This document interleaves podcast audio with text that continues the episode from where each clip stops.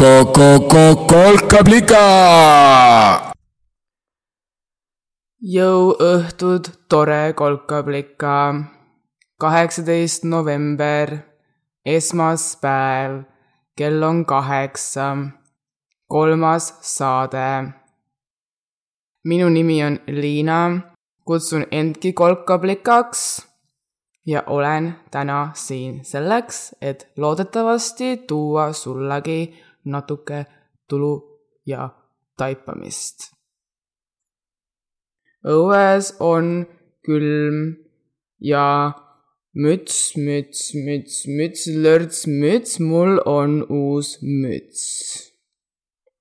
rohelisest velvetist pangmüts Eesti keeles ilmselt rohkem tuntud kui kalamehemüts, aga ma kahtlustan, et pole just palju kalamehi, kes minu vägevat mütsi kalale minnes rõõmuga pähe paneks, nii et ma eelistan teda hellitavalt kutsuda pangmütsiks, inglise keelest siis tõlgitud bucket hat.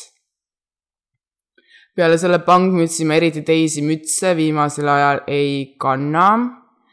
äkki kuna juuksed on piisavalt pikaks kasvanud ma ei tea, äkki pole lihtsalt tuju pead peita. Igatahes seda rohelist mütsi kannan ka ainult õues, siis kui tõesti on külm. muidu viimasel ajal enam-vähem elangi ainult pusade sees. sest mu armsas Koopa korteris on õues võimu võtva rõskuse tõttu kogu aeg jahe, mis aga on oki muidugi, sest riided mulle eriti talvel ja sügisel meeldivad. hetkel mul on kaks lemmikpusa, mida ma siis nii-öelda kordamööda enam-vähem kannan. vahel muidugi mõni teine ka vahelduseks, aga need kaks on lemmikud. esimene neist on oranži värvi ja ma kutsun seda oma jõupusaks ta on oranž nagu viiekümnekas C-vitamiin, apelsin või siis äh, sihuke soojem D-vitamiin päike, on ju. see pusa on väga suur, poolde reide peaaegu, katab vähemalt kindlasti ühe mu reietätukatest, reietätokatest täielikult ja siis teiseni peaaegu jõuab, see teine on natukene madalamal kui esimene. pusa parema rinna peal, see on mul hetkel ka muideks seljas pusa, pusa parema rinna peal on kirjas Liuna Feel the power. ma leidsin selle suvel kaltsukast, olles just värvikate riidekatete jahil ja siis seal ta oli, oranž nagu kuldkala, mõnusalt suur nagu ponšo ja kõige tipuks veel hüüdis mind ka, onju, oma rinnalt. Liuna! ja ma muidugi tean, et mu nimi tegelikult ei ole Liuna, aga kujuta ette, sa oled kaltsukas teisel pool ookeani ja su nimi on näiteks Piret ja siis sa näed kaltsukas oranži rõõmu täis pusa, mis oma rinnalt veel ka hüüab. Piret, feel the power. kas sa jätaks ta sinna või? Google pärast ütles, et Liuna tähistab Põhja-Ameerika rahvusvahelist tööliste ametiühingut, mis tundus veel nagu eriti mätsivat sest ostsin ma lõppude lõpuks ju äh, selle pusa maestade Benjaminide eest või noh, õigemini pusa oli ju kaltsukas ehk see maksis ühe Lincolni, aga oma estad Benjaminid ja Lincolnid ehk siis dollarid ma teenisingi nii-öelda töölistööd tehes, tegin maal, tegin maalritööd seal teisel pool ookeani, värvisin maja, mätsib ju. ehk see oranž jõupusa on üks mu lemmikpusadest siis praegu. Teise lemmikpusa leidsin suve alguses internetist. see pusa on kollane nagu kanatibu või C-vitamiin sidrun või kaaliumbanaan või siis veidi talvisem D-vitamiin päike. selle eest ma maksin äh, neli paari eurot ja ausalt öeldes veits piinlik, ma tellisin selle wish.com'ist. piinlik siis seepärast, et nüüdseks olen minagi nakatunud ökoängi, olen nakatunud ökoängi pisikuga ehk teist korda sinna wish.com veebilehele endale riideid või asju ostma ma ilmselt ei torma. aga pusa on mulle kallis sellegipoolest. ja naljakalt mätsiv lugu tegelikult rullus lahti ka selle pusaga. nimelt too tibukullane, tibukullane too tibukullane pusa jõudis minuni sealt Hiinast täpselt nädal enne seda, kui mu sõrmed said esimest korda elus katsuda kahesaja eurost. kes on oma elus katsunud kahesaja eurost, tõstke sarved püsti. mina mätsis siis sellepärast, et tekkis põmps sihuke tunne, et kollast värvi pusa kasuks, mis nagu võilill mu kehale kollast rasva peegeldab, onju. Selle kollase pusa kasuks otsustades ma justkui kutsusingi selle kollase iluduse nimega kahesaja eurone oma ellu. no mätsib ju. igatahes oranžist jõupusast erinevalt on tal ka kapuuts, mida ma siis vahel nii-öelda mütsi asendusena kasutan, kui tuleb peale tuju, et võiks oma pead peita. igatahes värvitäis äh, rõivaid olen jahtinud ma juba mõnda aega. Paar aastat tagasi otsustasin, et nüüd tänasest aitab. käes on aeg, kui tuleb jalaga kapist välja lüüa kogu see mustus, kogu see must masuperiood. kapp peab saama värviliseks otsus käis muidugi järsku nagu head otsused ikka, aga tulemus muidugi nii järsult õnneks ei saabunud. Kuigi mu põhikooli aeg oli täis igast plaane totaalseks muutumiseks, nagu kõige popim äh, seriaal tol hetkel telkus on ju, siis äh, mäletad sa tegelikult ju ka eelmisest saatest, et äh, ma olen nüüdseks õppinud protsessi nautima ehk otsusele värvikamaid riideid kanda järgnes niisugune graduaalne protsess. Esmalt tuli mu mustusest natukene valget, siis sinist, siis mustvalge kirjut, siis rohelist, oranži, kollast, roosat. nagu päriselt, mul on kõige vingemad roosad talvekalošid näiteks. madala karvase äärega, see äär on veel sihuke karvane, ma just ütlesin seda leidsin ma nad Paide linnalaadalt üle-eelmisel suvel vist igatahes see laat oli äge, see võttis, pani terve Pärnu maantee kinni, no tegelikult mitte terve Pärnu maantee, vaid mingi keskväljakust Kultroni umbes, olid igasugused putkad, sai osta nii esoteerilisi kivikesi kui äh, kalosse. jah, laadad on lahedad. aga nüüd riided ja kolossid korraks kõrvale visates, natukene asjalikumalt rääkides ma olen väga kaua uskunud ilu võimalikkusesse. vahel muidugi, kui peas võtavad tor-, vormi nii-öelda äikesepilved ja tõmbab kõhedaks ja tean, et üks tormitriller on jälle ajus nii-öelda pihta hakkamas, võib see usk nagu, nagu ma ei tea, putukad putuka loos vihma eest varju siblida, eks ole. aga nagu väiksega ikka, äike lööb õhu selgeks, tuleb usk ka alati tagasi.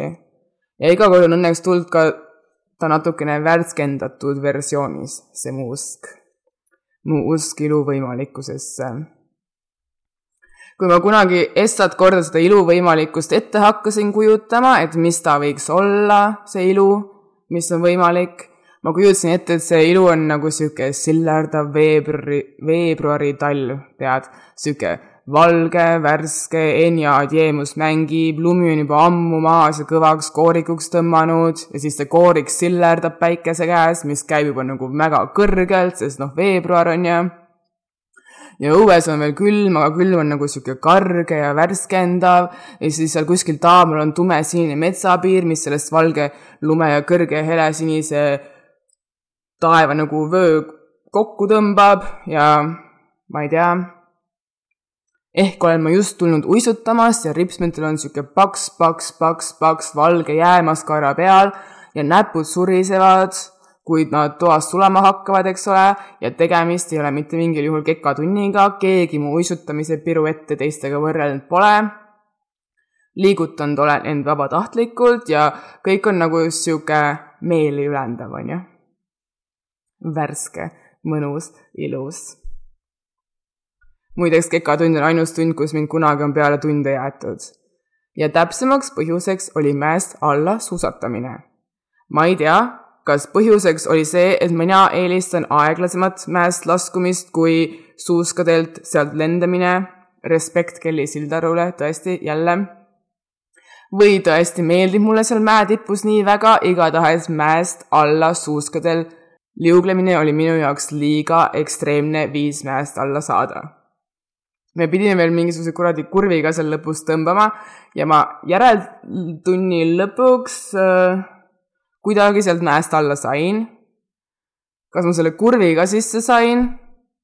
ei mäleta, mingit hüpet ma mingil juhul ei teinud. ma ei tea, igatahes olin ma jäetud pärast tunde ainus kord mu elus. ma ei osanud mäest alla suusatada. kool mulle üldiselt väga meeldis, mul on lahtine pea, mis igast asju kergelt sisse võtab, onju, aga kekaga mul oli alati probleeme. mul oli tunne, et keegi ei õpeta mind liigutama seal, isegi liigutamiseks olen, ise liigutamiseks olen liiga aeglane ja häbelik ja tead, mis on irooniline seejuures mu põhikoolist, kus mul äh, selle kekaga erilised probleemid olid, on nüüdseks tänaseks alles ainult kolm asja. koolimaja oma kõigi tiibade ja kõige keskel, kõige tähtsamal kohal asunud kunstiklassiga, mille akendest avanes vaade kogu linnale, on ju, inspiratsioon, alati vaade, on ju, on nüüdseks läinud, isegi kooli nime ei ole enam kasutuses, aga alles jäeti kolm asja alles jäeti esiteks võimla, teiseks staadion ja kolmandaks see kuradi, kuradi, kuradi suusamägi, millest ma alla ei saanud. ja no muidugi need jäeti ilmselt muidugi alles seetõttu, et need olid ka kolm ainsat kohta, kuhu minu koolis käimisest kuni lammutamiseni raha oli sisse pumbatud, mida oli nii-öelda arendatud, mida oli parandatud, need kolm spordiala aga noh, minu mätta osas vaadatuna lihtsalt naljakas. igavene meeldetuletus, et arenguruumi veel on.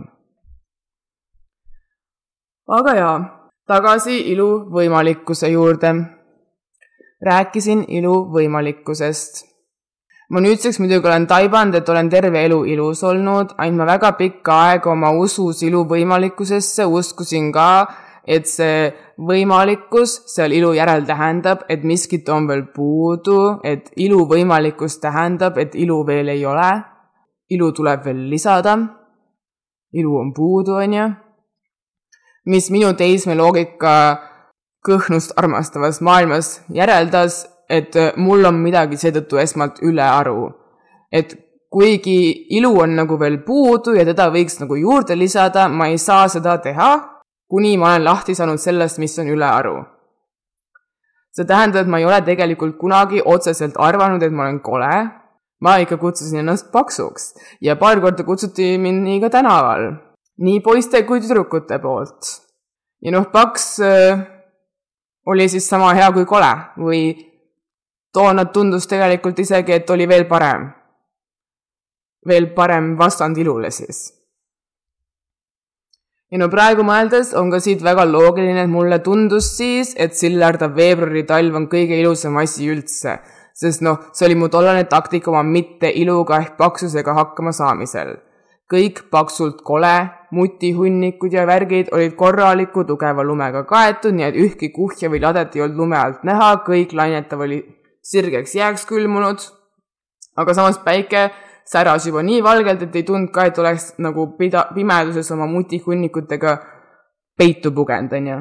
et oleks nagu häbenenud. hästi peidetud, aga siiski säravalt nähtav. tol ajal ma muideks arvasin ka, et varakevad, mis kohe sellele veebruarile järgneb, on kõige koledam aeg üldse, sest noh, kõik mutihunnikud sulavad selle ilusa lumekatte alt välja ja no on kole räpane, rõve ja valgus on ka veel nii erke, et kõik need mutihunnikud sellest sula lögas on totaalselt ja halastamatult ülevalgustatud. mida iganes. kuigi tol ajal lumi, ma ei mäletagi, see oli seitsmes klass. ma hmm,, mu roosa pintsaku aeg oli vist juba läbi. mul vist meeldisid vööd selle musta perioodini oli ka ikka veel väga kaua aega. ma ei tea. mul oli vist endiselt Piret Järvise songs ja no ühtki riide sealt praegu ei meenugi. ainult Beck tuleb meelde. eks ma mingeid kampsikuid kandsin, katvaid kampsikuid aga niimoodi ajust guugeldades tuli just mulle meelde, et see oli ka see aeg, kui igal pool lasti ja näidati seda lumesajus mere ääres kasimata meest, kes end lahti riietades kõigile kuulutas, kuidas ta meid metroos talle normaalse inimesena, kes, normaalse inimesena, kes teisi inimesi nähes naeratab, onju naeratamas nägi ja kuidas ta nüüd ei saa oma perveri mõtet meilt enam lahti, sest me oleme nii ilusad. see toob mulle endiselt külma kõreda jõledusvärinad peale, nii et uh, happy place, happy place, happy place.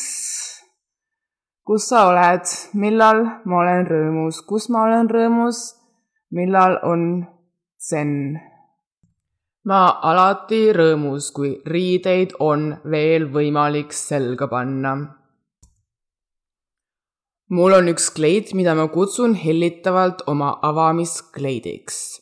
see on tumesinisest sametist pikkade varrukatega ja ulatub poolde säärde umbes.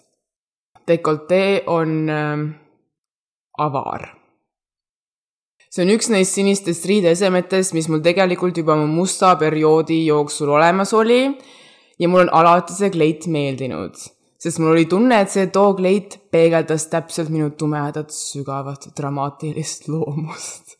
aga dramaatiliselt häbelik, nagu ma tollal ka olin, ma ei julgenud seda kunagi kanda nii, et mu kleit mu loomust tõeliselt siis võimendada võiks.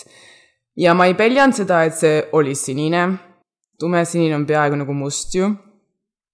ma pelgasin seda paljastust, kogu kleidi ja seega ka enda ilu näitamist. ja ma ei räägi praegu sellest dekolteest, mul rindu antud käepäraselt just parajalt, seal polnud midagi nii väga varjata või näidata.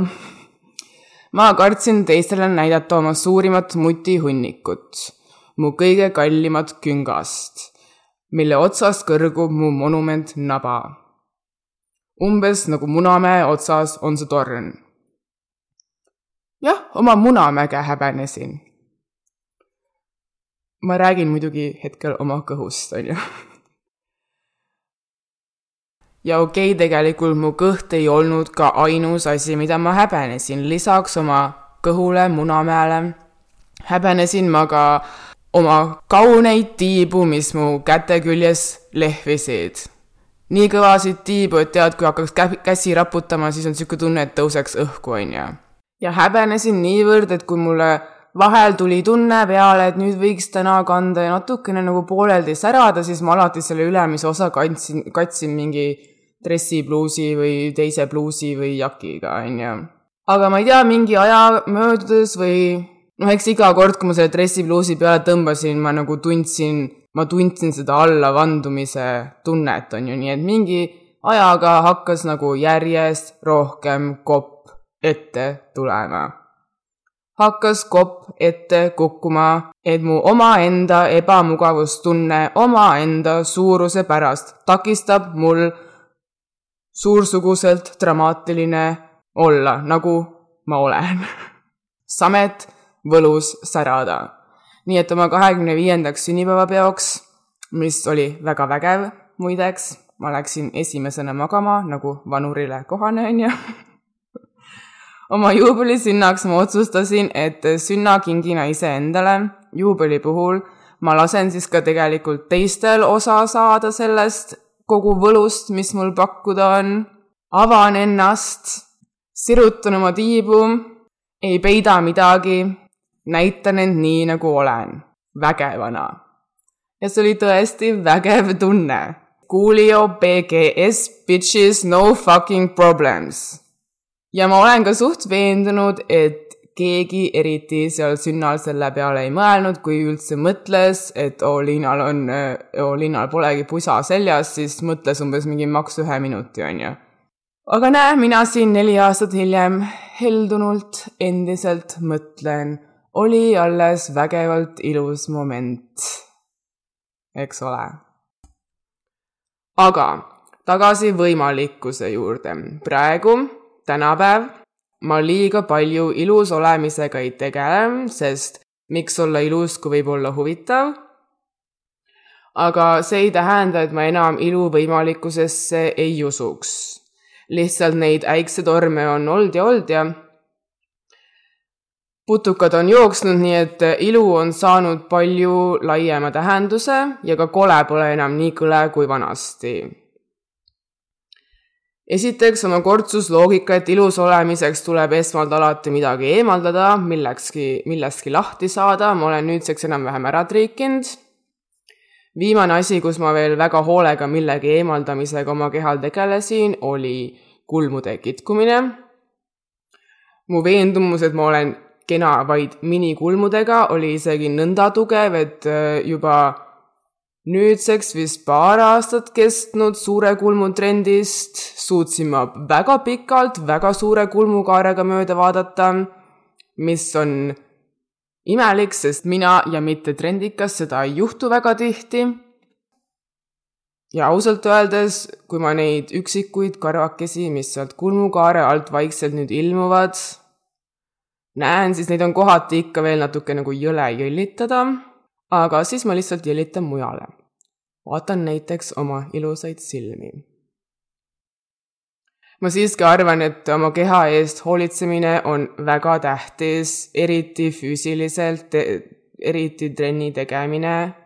ma lihtsalt enam ei arva, et hoolitsemine tähendab seda, et äh, ma pean midagi nagu hullult eemaldama enda kehalt lisamise vastu mul pole aga näiteks mitte midagi oi, kui ta mulle meeldib enda õlitamine.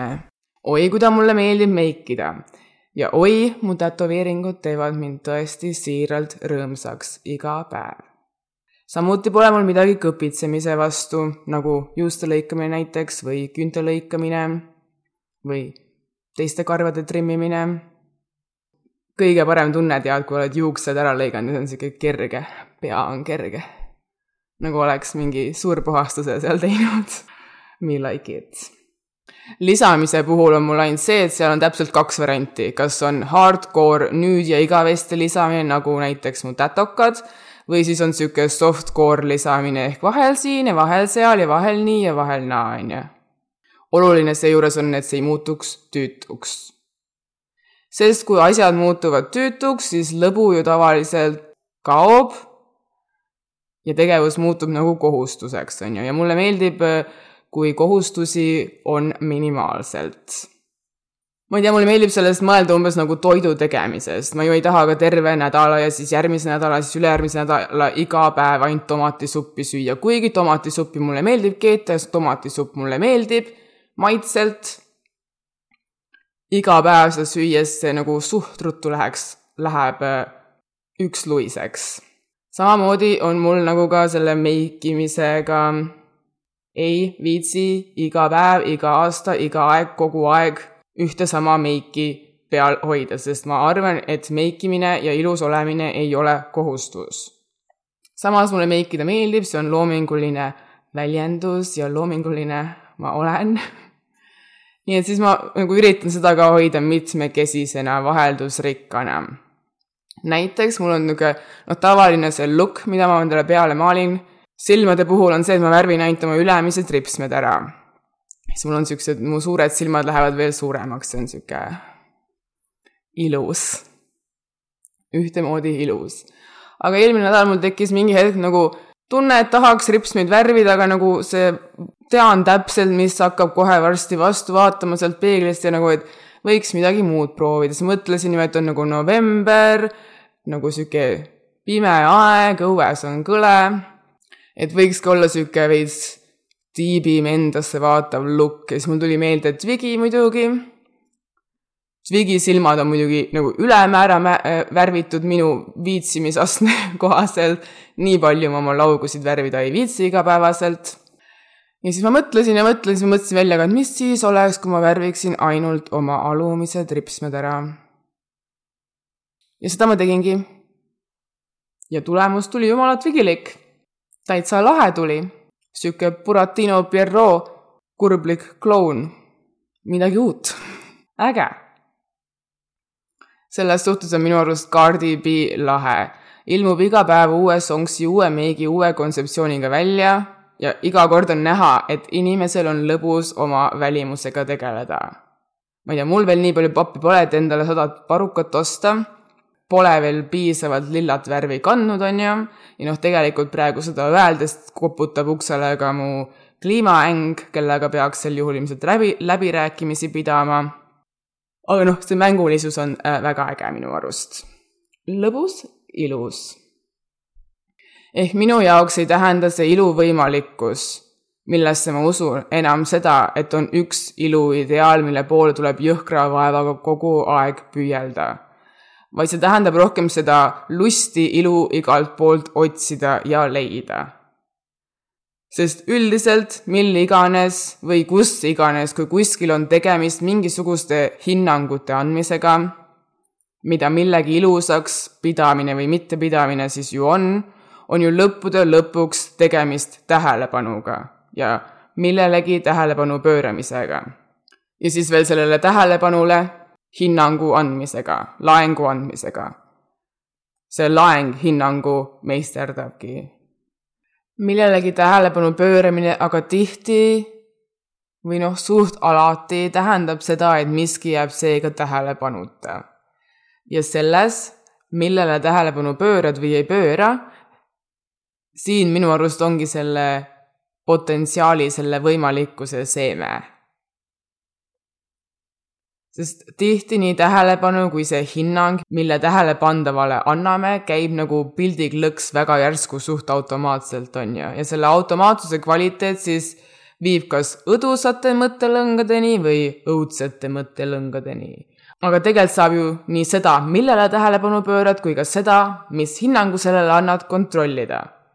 Vaatan peeglisse, tule taevas appi, kui jõle on see üksik suur uus kulmukarv nagu ju, ju, ju, ju, ju, ju, ju ja ma võiksingi siin siia jõledusse jõutama jääda ja ennast ära väsitada ja ära kurvastada ja lõpuks vihast ka selle kulmukarvakese äkki välja tõmmata, eks ole.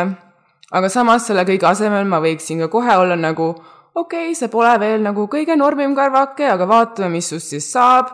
Ma praegu ütlen sulle tšau, lähen uurin oma ilusaid silmi oi kui ilusalt merekarva, täna sinakad, homme rohekad, ülehomme hallid. umbes nagu mu kartulitooni juuksed. suvel ühte värvi, talvel teist värvi. ilu muideks on meil põlissõna ja on seotud soome iloga, mis tähendab lõbu või rõõmu ja ka vepsa sõnaga ilo, mis väga sarnaselt siis soome keelele tähendab lisaks rõõmule ka veel naeru.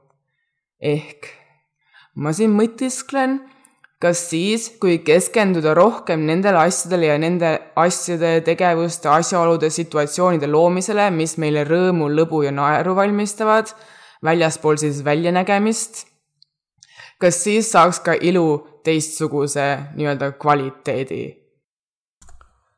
ma küll usun nii.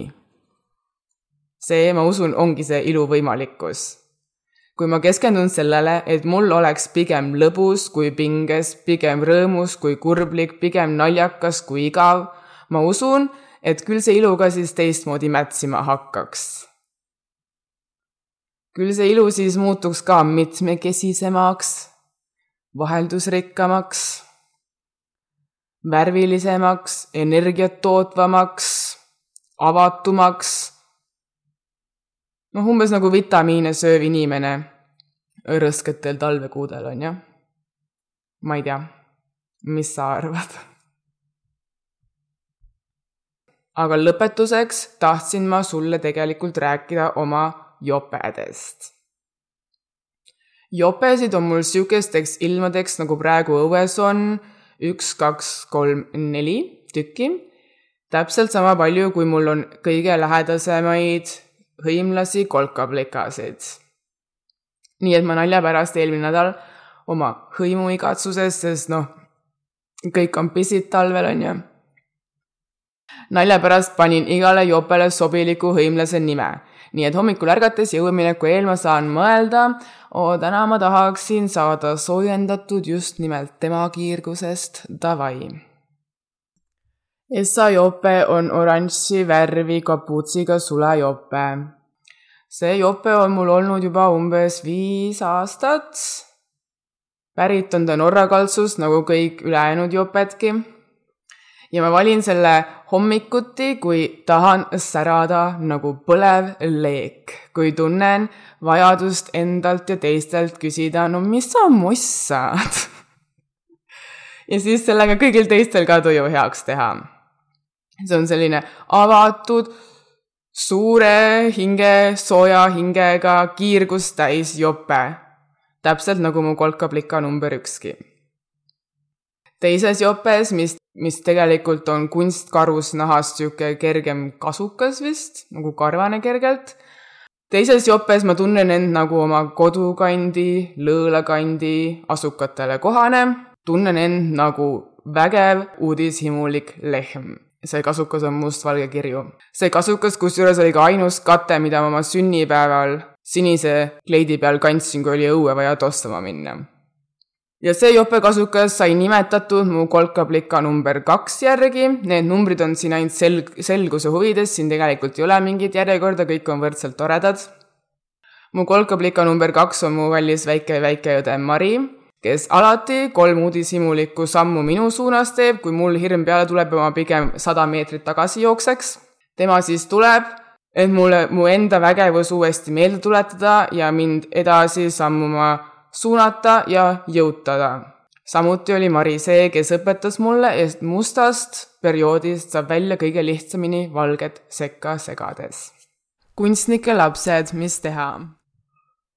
Neljas jope on sellisteks pimedamateks päevadeks, kus nagu äh, tead, valgeks nagu ei lähegi ja istuks nagu akendeta toas ja ainsaks valguseks arvutiekraan või noh, õues siis tubades telekat vaatavad inimesed. Sellisteks päevadeks on mul mu nahk hiirt meenutav hiigeljope, mis peaaegu meenutab tekki, see katab sääred, katab reied, katab pepu, katab rinna, katab pea, peaaegu pealaegi. samuti ei lase ta ei vihma ega tuult sisse ega soojust välja, ühesõnaga on selles jopes olemas kõik, kõik, kõik tugevad omadused, vastupidavus, püsivus, kannatlikkus, sügavus ja ka sihuke kerge nautlev mugavusarmastus. täpselt nagu mu kolkaplika number kolmes. neljas, neljas jope, neljanda kohta tuleb tegelikult ka öelda, et see on ilmselgelt kasukas, samuti mitte päris loomanahast. ja ta on veel rohkem kasukas kui see kerge lehmakarva kasukas, see on musta värvi, kaugelt vaadates nagu jõuline, veits sihuke hirmutav karu aga tegelikult, kui sa selle sisse saad, siis ta on väga soe. ma mitmeid aastaid olin liiga suur selle kasuka jaoks, aga nüüd, kui ma oma sarved olen maha jooksnud ja Munamägi enam liiga vägev pole, mul on nii hea meel, et ma jälle selle kasuka sisse mahun, sest see kasukas on nendeks päevadeks, kui on ikka läinud nii külmaks ja kõledaks, et enam miski nagu ei aita, siis ma tean, et see kasukas mulle ikka annab sooja nagu see kolkablika number neligi saab must aru ka siis, kui mitte absoluut keegi teine aru must ei saa. ja noh, päris lõpetuseks tuleb tegelikult ka üles tunnistada, et ma ei jõua ära oodata, millal need lumehelbekesed siin maal selle maa üle võtavad lõpuks. lumi teeks ju hallist, kõledast, rõskest, raskest, pimedast novembrist midagi helgemat aga seniks söögem vitamiine, otsigem rõõmu, hoidkem oma jopesid ja olgem mitmekülgselt ilusad. Jei!